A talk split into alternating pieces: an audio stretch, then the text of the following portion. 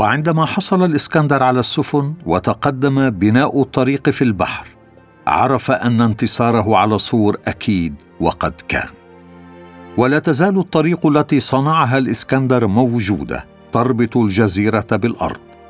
وبعد حصار دام سبعة شهور سقطت صور وقتل ثمانية آلاف من سكانها وبيع ثلاثون الفا في سوق العبيد.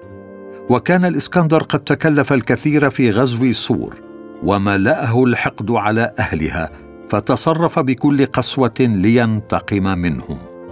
فأخرب المدينة تماما عام 332 قبل الميلاد وقد قامت صور الجديدة من عثارها بعد ذلك لكنها لم ترجع أبدا إلى مكانتها في العالم. والجزء الأكبر من موقع المدينة اليوم صخرة عارية يجفف عليها الصيادون شباكهم. وهكذا تحققت نبوة حزقيال. الفصل السادس والعشرين العدد الخامس والعدد الرابع عشر. ولم يتوقف تاريخ صور بعد الإسكندر. فقد بنيت وهدمت مرات عدة. ولكنها أخربت بعد ستة عشر قرنا ولم تبنى بعد ذلك ابدا. ثلاثة. وبعد ذلك جاء انتيغونس بعد أن انتصر على بابل واستولى على المدن الفينيقية ولكنه قوبل بمقاومة شديدة من صور وكانت قد مضت ثماني عشرة سنة على استيلاء الإسكندر عليها وحاصر أنتيغونس صور خمسة عشر شهرا فسقطت وأخربها ويرجع تاريخ أنتيغونس إلى عام 314 قبل الميلاد. أربعة. وجاءت كارثة أخرى على صور في عهد بطليموس فيلادلفوس من عام 285 إلى 247 قبل الميلاد الذي بنى ميناء بيرنيس على البحر الأحمر وربط مجرى النيل بخليج السويس فتحول مجرى التجارة إليه بعد أن كان يمر بخليج العقبة إلى ميناء إيلات ومنها إلى البتراء. ومن ثم إلى موانئ البحر الأبيض المتوسط لتحمله سفن صور وكانت هذه ضربة قاسية على تجارة سور إذ خسرت تجارتها لتربحها الإسكندرية. خمسة.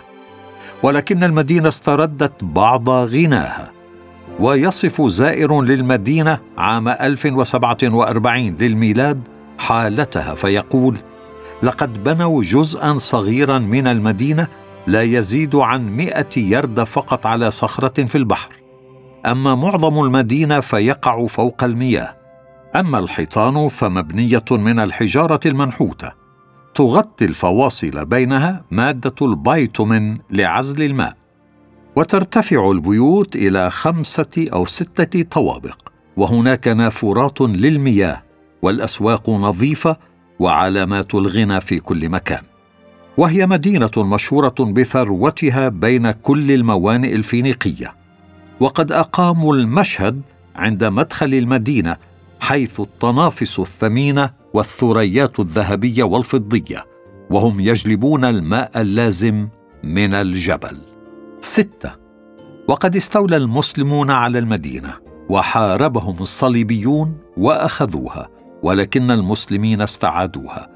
ويقول أحد المؤرخين بعد أخذ بطلمايس وإخرابها أرسل السلطان أحد الأمراء مع فرقة من جيشه لأخذ سور فملأ الرعب قلوب أهلها ففتحوا الأبواب بدون أي مقاومة. فذبح بعض سكانها وبيع الآخرون عبيدا وهدمت المعابد والأسواق وأبيد كل شيء بالسيف أو بالحريق. وقد عاد المسلمون واستولوا على المدينة عام 1291 وأخربوها تماما. وقد زار ابن بطوطة خرائب المدينة عام 1355 وكتب ما ترجمته عن الإنجليزية كانت المدينة قبلا مضرب الأمثال في قوتها تغسلها مياه البحر من ثلاثة جوانب ولم يبق اليوم سوى آثار من أسوارها ومينائها مع سلسلة كانت في مدخل الميناء. وهكذا تحققت نبوة حزقيال الفصل السادس والعشرين العدد الرابع عشر.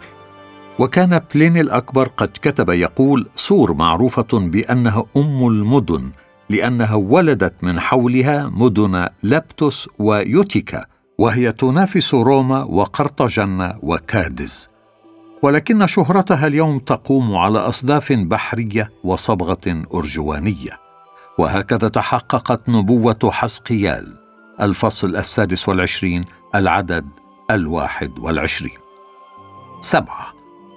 ونعود للوصف الحالي لصور كما تقدمه نينا جيدجيان في كتابها الذي أصدرته دار المشرق ببيروت صور عبر العصور تقول ما زال القسم الصيدوني من صور مستعملا اليوم وهناك سفن صغيرة للصيد. ولكن فحص الأساس يظهر أعمدة جرانيتية من العصر الروماني استعملها الصليبيون لتدعيم الأسوار. وصار الميناء اليوم ملجأ لسفن الصيد الصغيرة ومكانا لتجفيف الشباك. وهناك مدينة اليوم اسمها صور لكنها ليست صور القديمة. لأنها مبنية على موقع آخر غير صور القديمة. إن صور سيدة البحار ومركز العالم التجاري لقرون عدة قد انتهت إلى غير رجعة.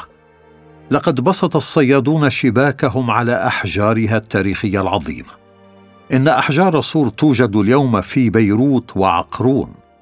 ولكن الحفريات أظهرت عظمة هذا الميناء الفينيقي.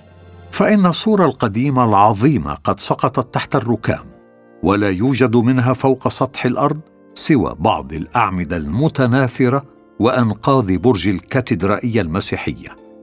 وعندما يتطلع الواحد منا تحت الماء يرى أعمدة الجرانيت الضخمة والأحجار الملقاة في قاع البحر وحطام صور فوق الماء قليل. وهكذا تحققت نبوة حزقيال الفصل السادس والعشرين العدد الثاني عشر. ومن هذا نرى بوضوح. واحد أخرب نبوخذ نصر مدينة صور الأصلية القديمة. اثنان قامت أمم كثيرة ضد صور إذ هاجمتها جيوش بعد جيوش في عصور متوالية وهو ما ترمي إليه النبوة. الفصل السادس والعشرين العدد الثالث إلى السادس. ثلاثة. جعل الإسكندر الأكبر المدينة القديمة صخرة عارية رمى حجارتها وخشبها وحتى ترابها في الماء.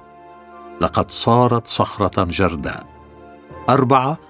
تكررت الإشارة إلى أن الصيادين بسطوا شباكهم على حجارتها لتجف. خمسة. رمى الإسكندر الأكبر أنقاض المدينة ليعمل طريقا في الماء.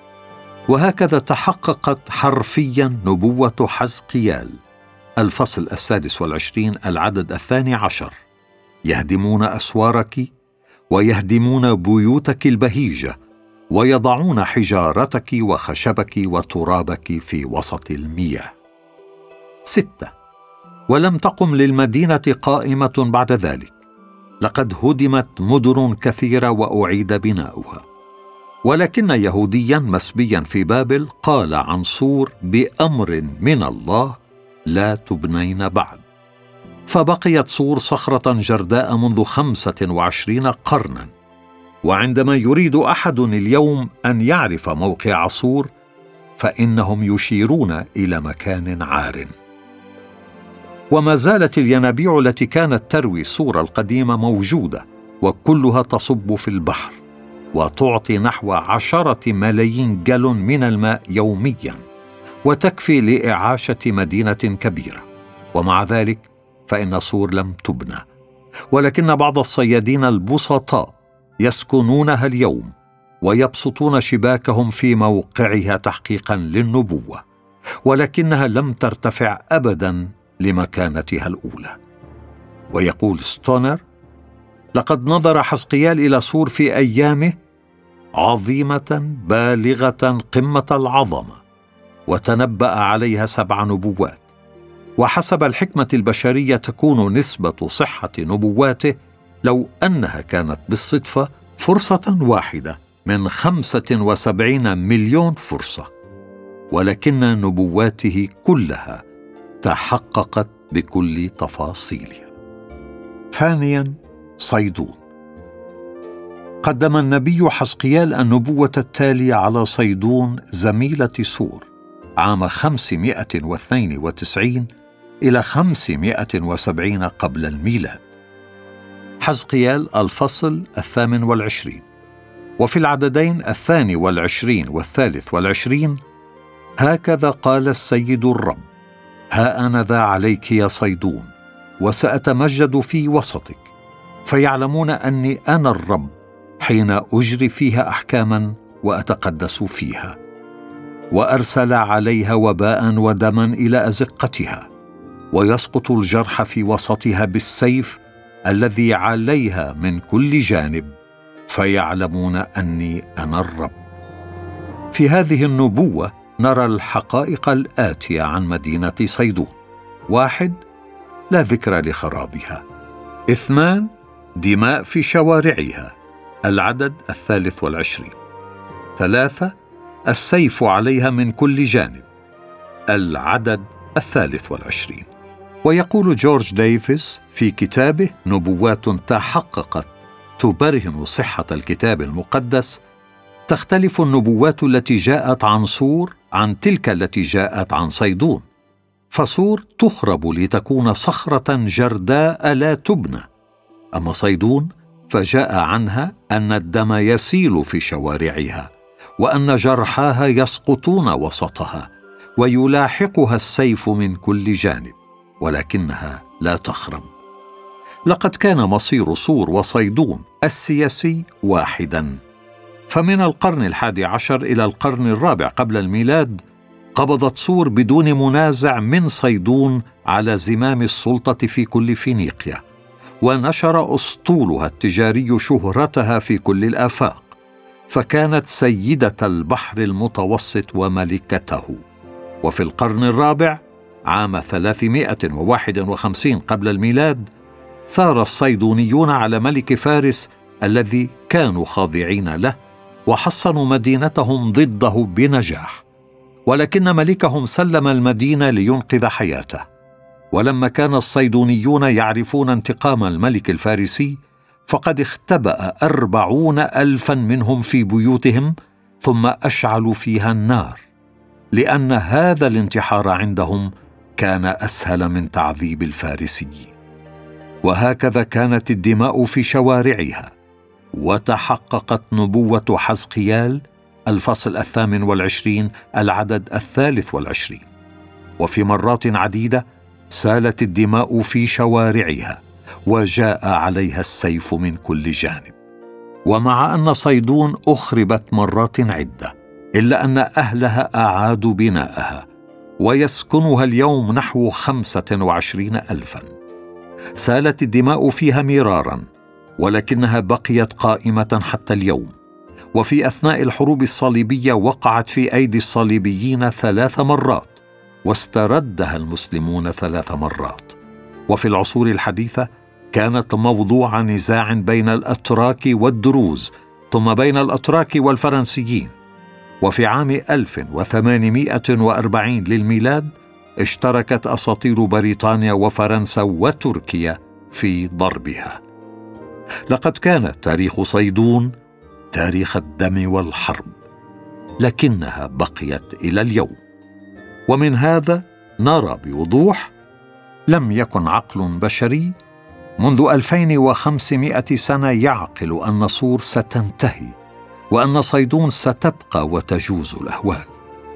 فقد كان الأقرب للحكمة البشرية أن يحدث العكس. إن نبوة حزقيال اليوم تشبه من يتحدث عن لوس أنجلوس وسان فرانسيسكو. أيهما تسقط وأيهما تبقى.